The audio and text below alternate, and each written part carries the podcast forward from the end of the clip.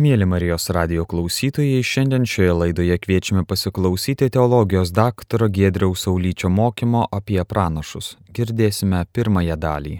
Tai va, smagu, tęskime mūsų studijas ir sustojame toje vietoje, kad Vieni pranašai rodydavo ženklus, o kiti, nors ir neparodo kažkokio stebuklo, vis tiek yra pranašai, nes skelbia Dievo žodį, perdoda tą Dievo žodį.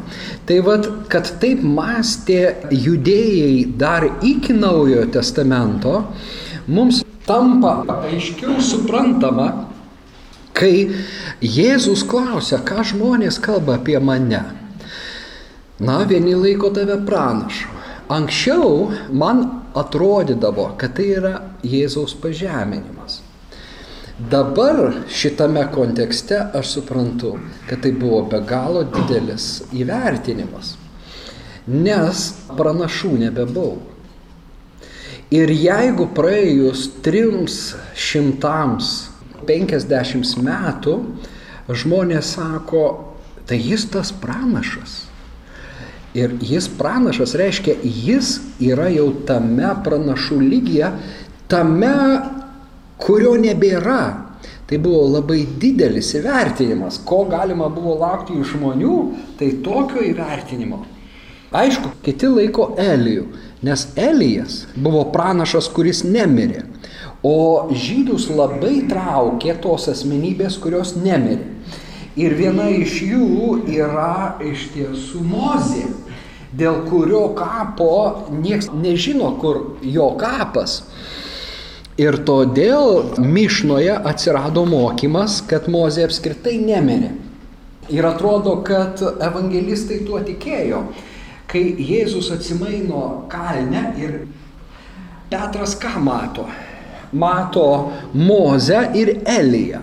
Reiškia, ir panašu, kad judėjai laikė, kad jie abu du tai buvo tie pranašai, kuriuos Dievas paėmė neragavus mirties. Trečiasis, kas buvo, tik trys tokie buvo. Iki Jėzaus. Henochas. Ir apie jį mes irgi dar šiandien pabandysim, jeigu liks laiko, bent jau iki jo ateisim.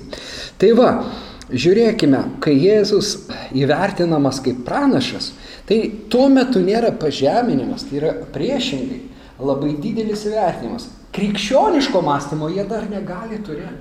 Jie dar nėra subrendę, kad įvardintų jį kaip Dievo sūnų, kaip gelbėtoją. Kaip mesiją jau mokiniai pradeda jį vardinti, kaip mesiją, artimiausi mokiniai. Bet jau ir tauta, įvardindama jį pranašu, pasako labai teigiamai ir labai daug apie Jėzų. Dabar, kai mes sakom, kad šventoji dvasia pasitraukė iš Izraelio, jie taip patys kalba, ne mes sakom, tai Talmudas kalba, tai jų žodinė tradicija taip perduoda kad tame laikotarpyje, antrosios šventyklos periodo laikotarpyje, Neliko pranašų ir todėl šventoji dvasia pasitraukė. Bet ar iš tiesų nebeliko stebuklų Izraelėje? Kaip tuomet suprasti, kad Jėzus darė stebuklus ir žmonių tai, sakykime, ne tai, kad nestebino, bet jie priimdavo tai normaliai. Esmė tame, kad stebukladarių buvo ir tame laikotarpyje. Tai vienas iš jų yra Honi, braižęs apskritimus. Apskritimą. Stebukladarys Honi yra minimas Talmude, yra minimas Juozapo Flavijaus ne viename šaltinyje.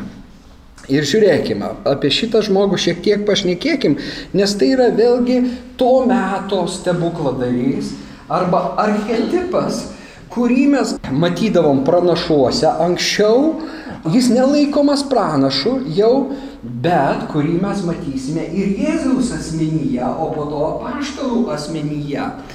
Jėzaus apaštalų asmeniai. Taigi, žiūrėkime, kaip kalba Talmudas. Dievas pasilaiko tris raktus, kurių nepatikė savo pasiuntiniui.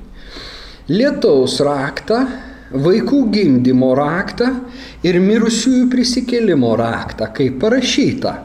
Viešpats atidarys tau savo turtingą išdą dangų, kad laiku parūpintų lietaus tavo kraštui. Taigi jie dabar Sename testamente Elijas meldė lietaus, kai buvo bado laikas ir lietus ne iš karto, bet pradėjo lyti. Honi braižęs apskritimus ir pasižymi tuo, kad jis panašus į Eliją, būtent jis meldė lietaus.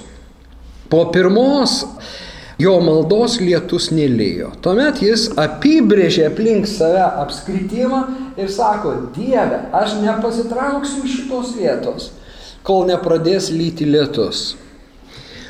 Ir po antros jo maldos pradėjo dulksnuoti. Tada jis sako, Dieve, aš ne šito prašiau. Aš prašiau, kad cisternos, šuliniai, olos, visa kas įmanoma, daubos prisipildytų lietaus. Ir tada pradėjo pilti kaip iš kibiro.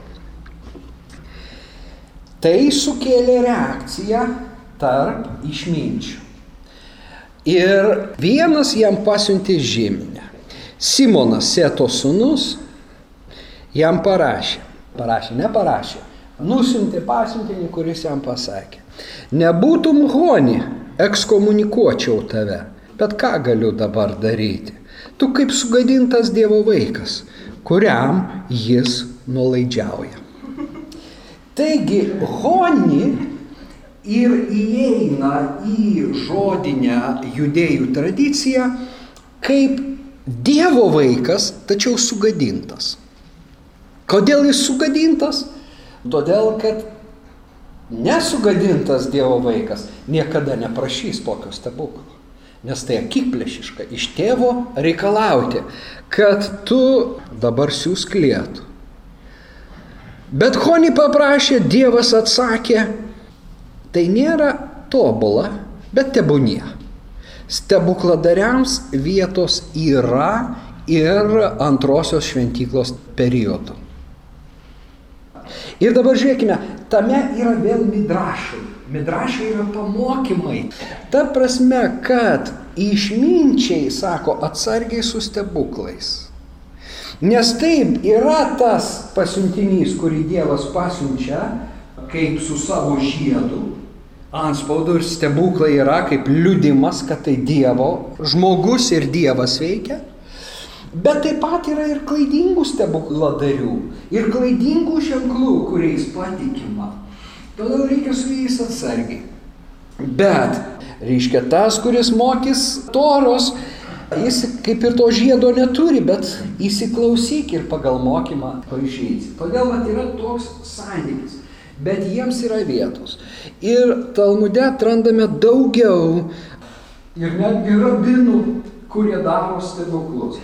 Vienas iš jų yra Hana, rabinas ir apie jį kalbama taip, jis buvo neturtingas. Jis labai prastai jautėsi, kadangi neturėjo aukos nunešti į Jeruzalę. Jis gyveno ne Jeruzalėje, panašiai kaip Jėzus keliaudavo iš Nazareto, jo tėvai keliaudavo į Jeruzalę, kaip žydų vyrai keliaudavo į Jeruzalę tris kartus per metus į šventyklą pagarbinti Dievą ir visada su aukomis jis neturėjo. Ir jis sako, aš nunešiu bent akmenį į Jeruzalę. Išskaptuosiu tą akmenį ir nunešiu.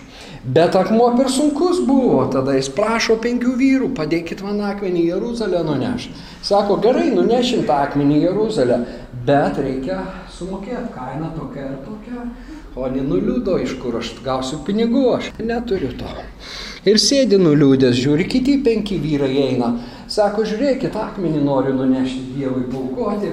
Visą širdį dėjau užskaptuodamas, gal padėsit? Ir sako, na, be abejo, padėsime. Pridėk ranką prie mūsų. Jis pridėjo ranką ir staiga jie atsidūrė Jeruzalėje. Pasirodo, Dievas pasiuntė penkis angelus, kurie apsirengė kaip žmonės. Honi nori Jeruzalį jiems atsilyginti, bet dingo tie žmonės. Ieško jisai po Jeruzalę, kur dingo tie žmonės, kurie padėjo man akmenį čia atgabenti. Į jį kreivai žiūri. Ir jis turi pasakoti tą istoriją. Ir tada jiems sako, kiti tie akmens skaldžiai Jeruzaliai, tai buvo ne žmonės, tai buvo tarnaujančios dvasios, angelai. Laiško hebrajams autorius, kai kalba apie angelus, tai jis panaudoja tą patį terminą. Tai yra tarnaujančios dvasios, siūstos patarnauti mums. Pasirodo, Hanina turėjo reikalų su angelais. Bet įdomu tai, kad stebuklas įvyko dėl to, kad jis aukotų kažką Dievui. Ir e, dar įdomesnis ir papildantis stebuklas įvyksta su Haninos žmona. Kadangi jie valgyti turi labai nedaug. Rašoma, kad į savaitę jie valgydavo tik tai pupas. Ir nedaug tų pupų būdavo. Ir gėda žmonai, kad kaimynai žiūri juos kreivai, tokie skurdžiai, nieko neturi.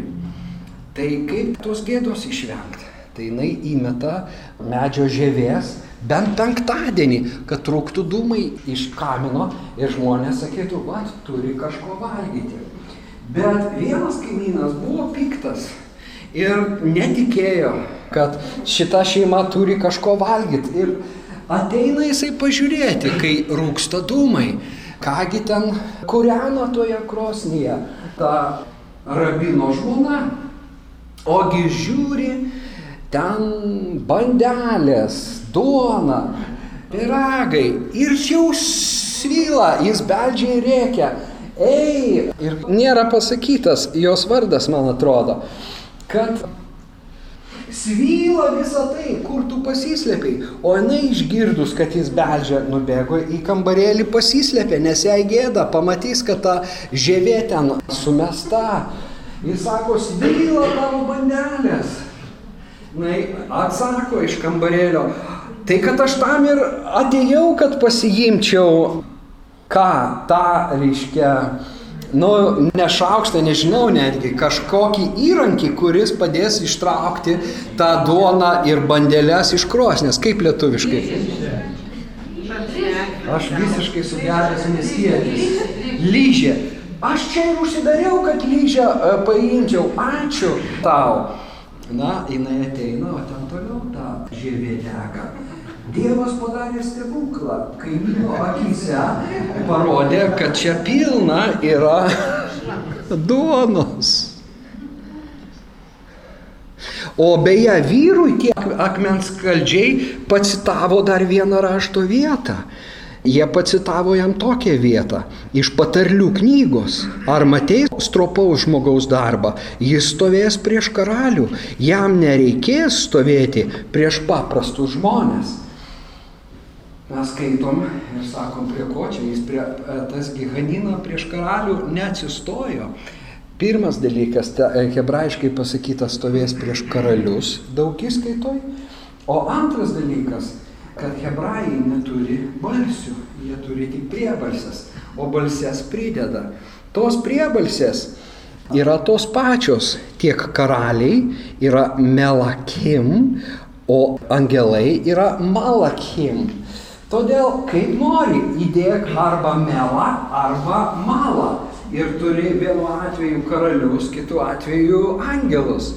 Štai kaip atsiveria interpretacijos galimybės, kai supranti originalą. O jie taigi aiškina pagal tai, Ir sako, pasakyta, tai stovės tarp angelų, bet pabrėžiamas kas, kad tai buvo stropus žmogus. Jis buvo neturtingas žmogus, bet jisai buvo stropus. Ir dėl Dievo jis taip norėjo paukoti auką. Dievas nedavė jam klėstėjimo, nepadarė tokio stebuklo, bet jis padėjo jam akmenį atnešti į Jeruzalę.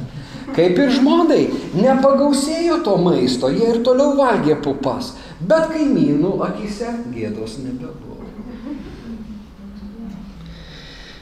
Stebukladariai. Tuo metu gimsta konfesijos, kurias aš užsiminiau. Tai yra Naujajam testamente minimos dvi - sadukėjai ir fariziejai. Vat skaitai Seną testamentą, nėra nei vieno ten sadukėjo ir nei vieno fariziejaus. Pradedi skaityti Naują testamentą.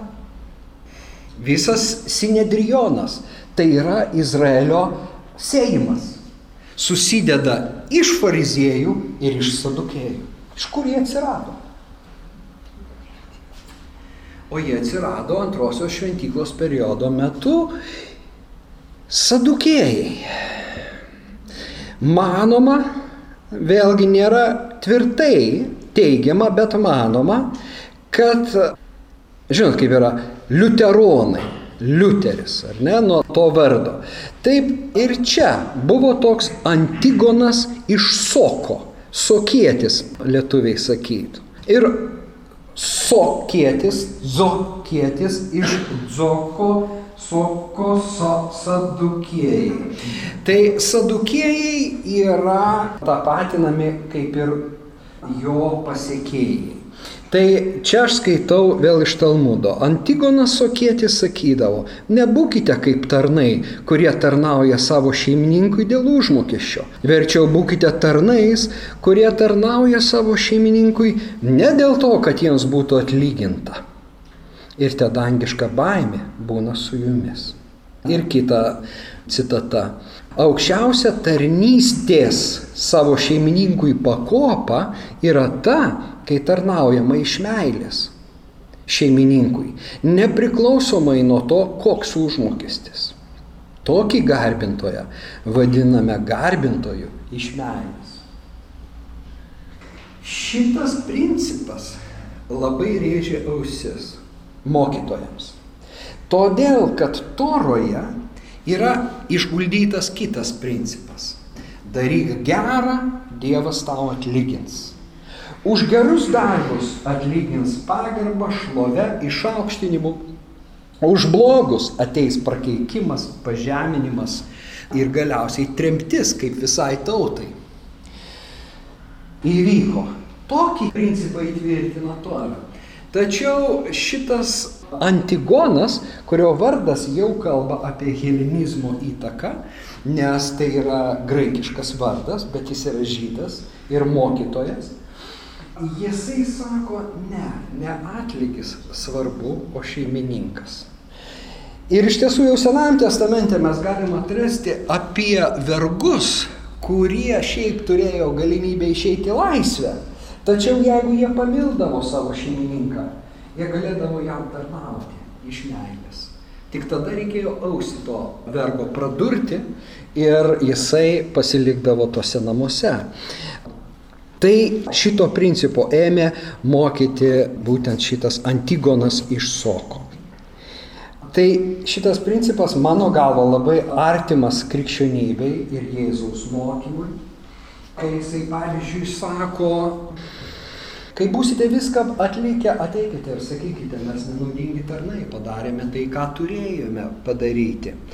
Arba tie palyginimai, kai šeimininkas pakviečia tarnus, žmonės pasamdo dirbti vynoginę ir atėjus vakarui jis ateina atsiskaityti ir staiga atsiskaitydamas, tiems, kurie te dirbo vieną valandą, užmoka tiek pat, kiek užmoka ir tiems, kurie dirbo nuo ankstaus ryto, pastarėjai pasipiktina, koks tu neteisingas. O šeimininkas atsako, ar nesudėrėjom už denarą su jumis. Aš jums atidaviau tiek, kiek buvo sudėrėta, ar jūs piktina tai, kad aš esu geras. Ir sumoku ne pagal darbus. Tam, kuris dirbo pas mane tik tai valandą laiko. Taigi šita idėja jau funkcionuoja rabiniškame mokyme, kad šeimininkui galima tarnauti ir iš meilės.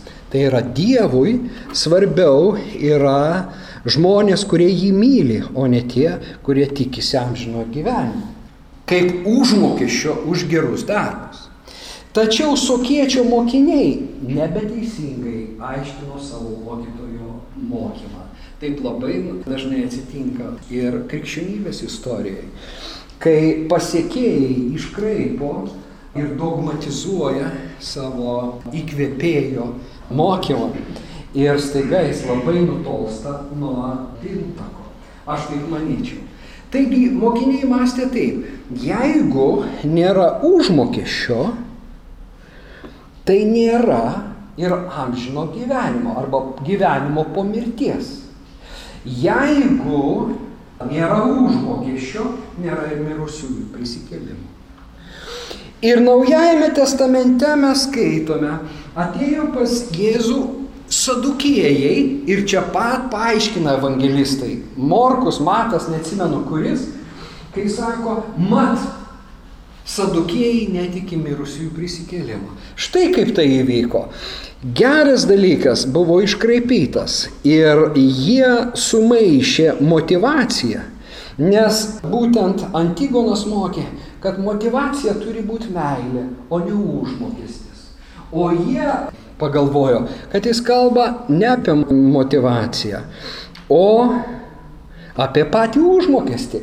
Jeigu ne užmokestis, reiškia nėra, gyvenkime tik dabar. Be to sadukėjai, sadukėjų atšaka arba sadukėjų konfesija gyveno labai prabangiai, gyveno didžiąją dalim Jeruzaliai, didžioji dalis jų siejo, turėjo sąlytį su šventykla, Ir jie netikėjo mirusiųjų prisikėlimu ir kaip žinia, Evangelijose Jėzus juos bara už tai, kad jie nesupranta rašto ir neteisingai ją aiškina ir nesupranta Dievo jėgos. Tai va, bet Antigono, va, Klaidą padariau, atsiprašau. Kai sakiau, kad Antigonas sokėtis, aš bandžiau sadukėjus išvesti iš soko. Ne iš soko. Antigono mokiniai buvo Sadokas ir Boetas. Ir Sadokas, be abejo, tokių buvo ir vyriausiųjų kunigų Senojo testamento metu, bet čia ne vienas iš jų. Čia jo mokinys Sadokas, iš čia sadukėjai. Sadok, sadukėjai. O tas boetas turėjo kitą požiūrį ir daug kas mano, kad iš boeto kilo fariziejai. Bet vėl drąsiai negalim teikti, nes tarp vardų nėra nieko bendro.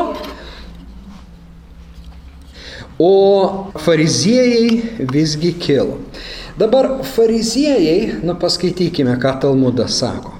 Viena rašto eilutė sako, mylėsi viešpatį savo Dievą visa širdimi, visa siela ir visomis jėgomis. O kita, bijok viešpaties savo Dievo, jam vienam tarnauk, glauskis prie jo ir jo vardu prisiek. Taigi, vykdyk jo valią iš meilės ir vykdyk iš baimės. Nes viena eilutė iš įstatymo iš toros kalba apie meilę Dievui, o kita apie viešpaties Dievo baimę. Taigi vykdyk jo valią iš meilės ir vykdyk iš baimės. Vykdyk iš meilės, kad pradėjęs nekesti prisimintum, kad jį myli, o mylintis negali nekesti.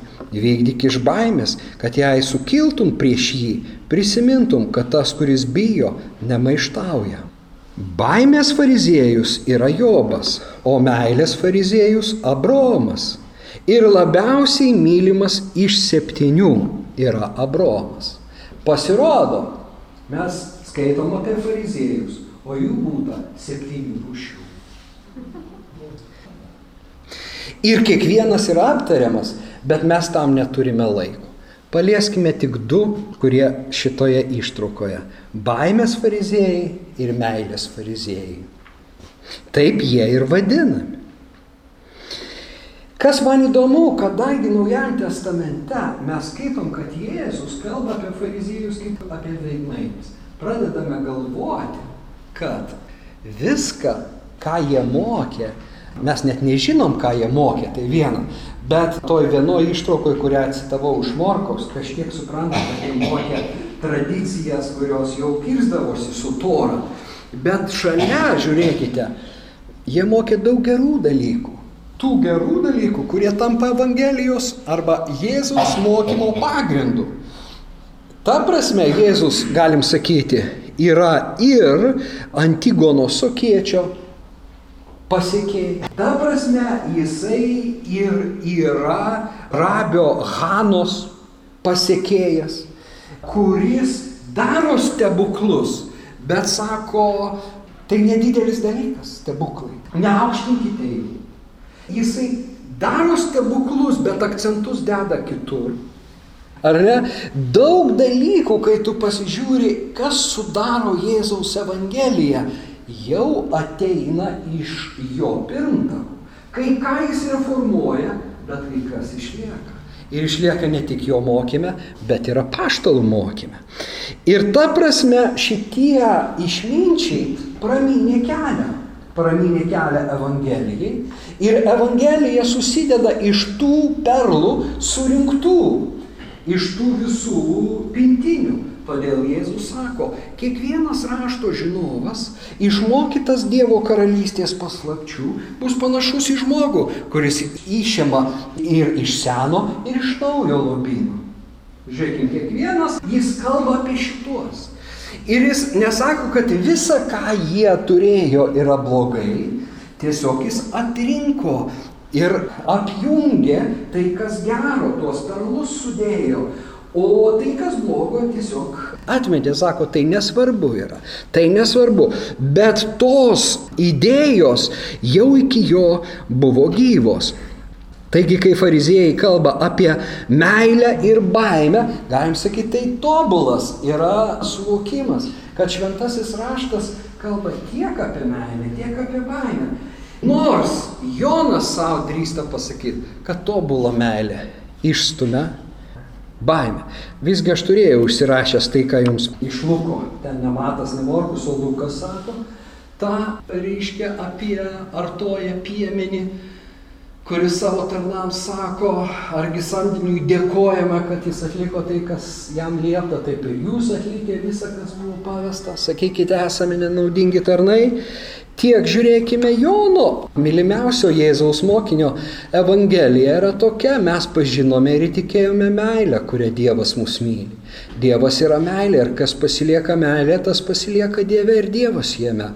Tuo meilė pasiekia mumyse tobulumą, kad galime turėti drąsų pasitikėjimą teismo dieną. Nes koks jis yra, tokie ir mes esame šiame pasaulyje. Meilė nėra baimės, nes tobula meilė išvėja baimę.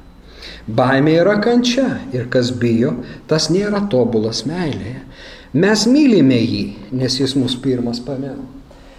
Jonas apaštas, galim sakyti taip, įstoja į polemiką, kuris sprendžia meilės ir baimės fariziejaus klausimą, o sikiu apskritai meilės ir baimės kaip egzistencinių žmogaus dalių, sielos dalių, išgyvenimų klausimą. Ir jisai tarsi jį išsprendžia. Sako, reikalinga ir baimė, reikalinga ir meilė. Visgi, jeigu mes mylėsim iki galo, baimės neliks nei lašo, nei lašo. Kitai žodžiais tariant, mylintis Kristų žmogus teismo dieną pasitinka neturėdamas nei lašo baimės. Nei lašo baimės. Jis gyveno Dievo baimingai. Bet myli tiek teisėją, žinot, kad sako, teisėjas negali manęs pasmerkti, nes jis pirmas mane pamilo, aš tik atsiliepiau jo meilę. Bet vėlgi tai yra tiesinys tos polemikos. Dabar yra tos vietos Naujajam testamente, ir, kurias mes suprantame tik tai susipažinę su ta vat, hebrajiška, žodinė tradicija. Jiems autoriams tai savaime suprantama. Pavyzdžiui, Henochas septintasis nuo Domo. Ir aš noriu apžvelgti kai kurias iš tų vietų ir mes ateisime prie Vėlgi sandorų, tai yra mūsų tema, aš jos nepamiršau, mes prie jos artėjame, bet taip tiesdami tiltą, sandorų senosios ir naujosios tema mes užbaigsime šitą apžvalgą. Bet pradedame chronologiškai nuo Henocho minimo pradžios knygoje ir Judas rašo, Apie juos pranašavo apie tos nedorelius kontekstas toks. Septintasis nuo Adomo žmogus Henochas. Štai atėjo viešpas su miriadai savo šventųjų įvykdyti visiems teismo ir nubausti visų bedievių, už visus bedieviškus darbus, už visus piktus žodžius, kuriuos prieš jį kalbėjo bedieviai nusidėliai. Problema ta, kai mes perskaitom Judo laiške šitą eilutę, Ir jeigu esame skaitę pradžios knygą, mes sakome, judai, iš kur tu sužinojai, kad Henochas yra septintas nuo Adomo? Ir kur tu atrandi šitą pranašystę? Štai atėjo viešpats. Reiškia, štai Enochas pranašauja, kad atėjo viešpats. Bet tai yra citata iš Enocho knygos. Kaip aš minėjau, tai yra išminties knygos, tai yra pseudoepigrafinės knygos. Sulaukiau gero klausimo, kodėl vadinamos pseudoepigrafinės. Pseudoepigrafinės tai reiškia, kad pavadinimas netitinka autoriaus. Nors tai pavadinta Henocho knyga. Henochas buvo vienas pirmųjų apskritai žmonių po Adomo, jis negalėjo parašyti. Tai yra, kaip sakyti, netikras autorius, bet jo vardu yra kalbama ir užvardinamas kūrinys. Todėl tai taip vadinasi tos knygos. Mokslininkai jas užvardino pseudoepigrafinės. Bet daugiau įdomu yra turinys. Ir tai, kad apaštalai buvo panirę į tai. Jiems tie tekstai buvo pažįstami, tų tekstų dažnai buvo daugiau iki mūsų dienų, ne visi pasiekė, tik kai kurie pasiekė. Bet, pavyzdžiui, Henocho knygos yra mūsų pasiekusios. Ir ten atrandam faktiškai identišką tekstą. Štai jis ateis su 10 milijonų šventųjų įvykdyti visiems teismą. Taigi Judas remiasi šituo tekstu.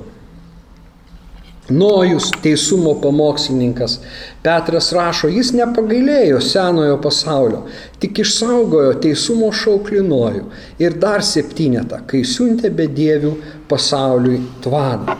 Ir iškyla tas klausimas, kodėl jis yra teisumo šauklys. Kaip suprasti teisumo šauklys? Iš tiesų žodis šauklys galėtų būti išverstas pamokslininkas. Nes tai mums suprantamiau, ten nu ne kažkoks šauklys, bet Pamokslininkas, kuris skelbė tiesą ir teisumą. Talmude štai kas pasakyta. Kaip suprasti, užduodamas klausimas, kas parašyta ir citata iš Jobo knygos. Jis greitas ant vandens paviršiaus, jų dalis prakeikimas žemėje. Jis neina keliu į vynogyną. Labai paslaptingi žodžiai.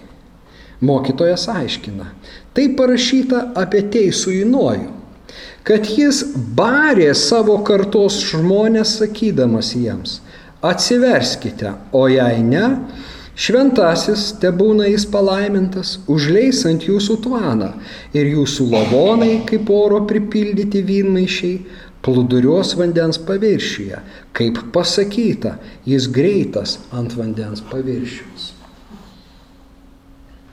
Ar kas nors perskaitęs Jobo citatą pasakytų, kad tai apie tvaną kalba eina.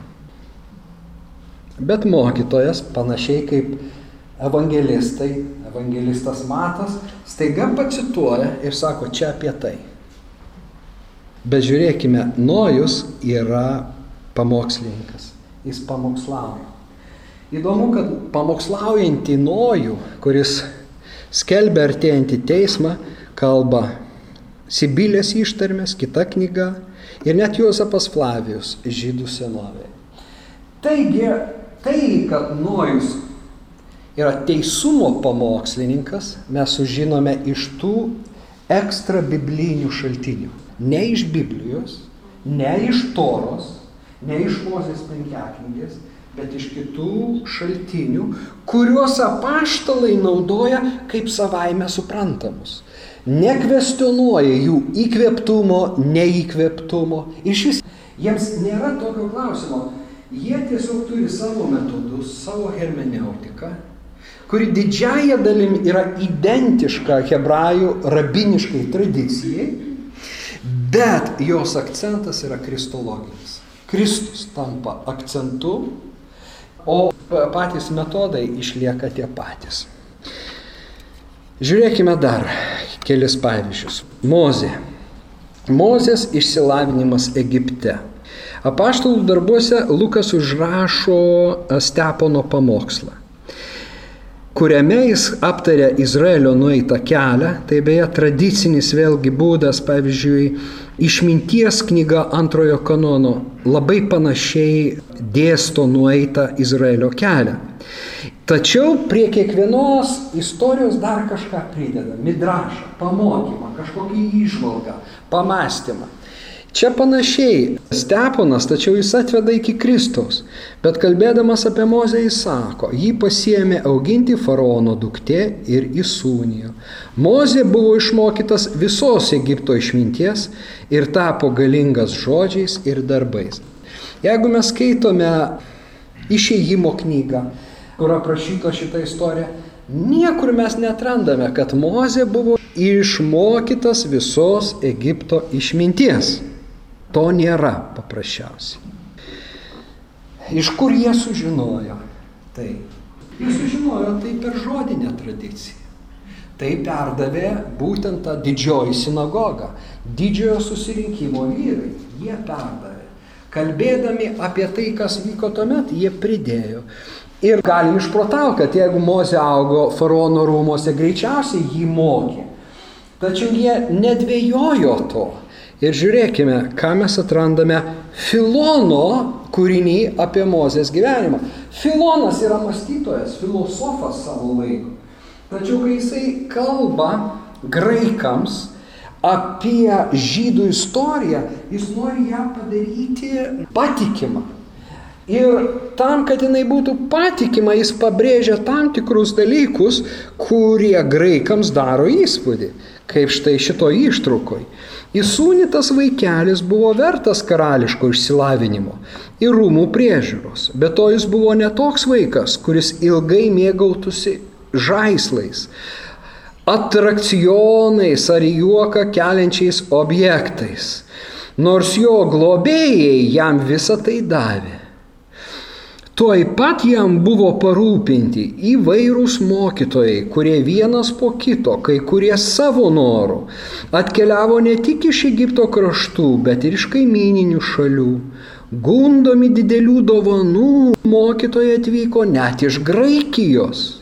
Tačiau Mozė labai greitai praugo visą jų išmintį, nes įgimti jo genijaus gabumai leido jam greičiau įsisavinti visas jų pamokas. Šaunu, ar ne? Matot, mes tai neskaitė šitų tekstų. Mes tai jų neskaitė, apaštalai tai skaitė, jie girdėdavo, jie teliko neturėjo, bet jie susėsdavo pašnekėti Ir tai buvo einama valiuta. Tai prasme, visos šitos istorijos, jos perdodamos iš kartos į kartą. Niekas ten nebekvestionavo, kad Mozė mokė graikai, pavyzdžiui. O Filonas tai iš vis užrašė. Nu tai viskas aišku. Kur kas man buvo didesnis atradimas Jezekėlis, bet ne Jezekėlis pranašas, o Jezekėlis dramaturgas. Pasirodo, tai yra pirmoji piesė, hebrajiška jų pirmasis spektaklis, kuris apvaizdos dėka 20 procentų tos piesės, tos dramos, tragedijos iš tiesų yra išlikusios iki mūsų dienos. Egzagogas vadinasi. Joje kalbama irgi apie eksodą, išėjimą iš Egipto, Ir jam buvo užrašyta, todėl aš versdamas pabandžiau irgi, atsiprašau, jei nevykęs vertimas, bet toje vietoje Ezekėlis dramaturgas rašo apie Mozę, karaliaus globoje augintas ir išmokytas, kai prisipildė saikas man skirtų dienų, čia Mozė pats kalba, pakintas didiems darbams, aš rūmus palieku, karaliaus užmačia ir vedama širdies aš išeinu. Maždaug antras, trečias amžius iki Kristaus pasirodo šiaip hebrajai teatrų netikėjo, bet tie, kurie gyveno Aleksandrijoje ar netoli, ne tik nueidavo į teatrą, bet ir bandė rašyti pieses, kaip šitas Jezekėlis, ir jų žodžiai turėjo vėlgi savo įtaką. Taigi karaliaus globoje augintas ir išmokytas. Na, išmokytas, aišku, kaip Filonas prideda įvairiausių mokytojų. Štai todėl Steponas, sako, Mozė buvo išmokytas visos Egipto išminties. bažnyčios tėvų jau vėlesniam traktavimui apskritai išėjimas iš Egipto ir tai, kad Izraelis išsineša iš Egipto turtus, Augustino yra paimama kaip alegorija, na, bažnyčios ir teologų, krikščionių mokytojų alegorija, kad išeidami iš pasaulio kaip Izraelis pasiemė auksą, sidabrą ir gavo kelioniai daiktų iš egiptiečių, taip ir mes krikščionys pasiemam geriausią, ką parašė pagonių filosofai ir mąstytojai, tą auksą ir sidabrą ir išeiname į kelionę per dykumą. Šioje laidoje klausėmės teologijos daktaro Gedriaus Saulyčio mokymo apie pranašus. Klausėmės pirmosios dalies. Likite su Marijos radiju.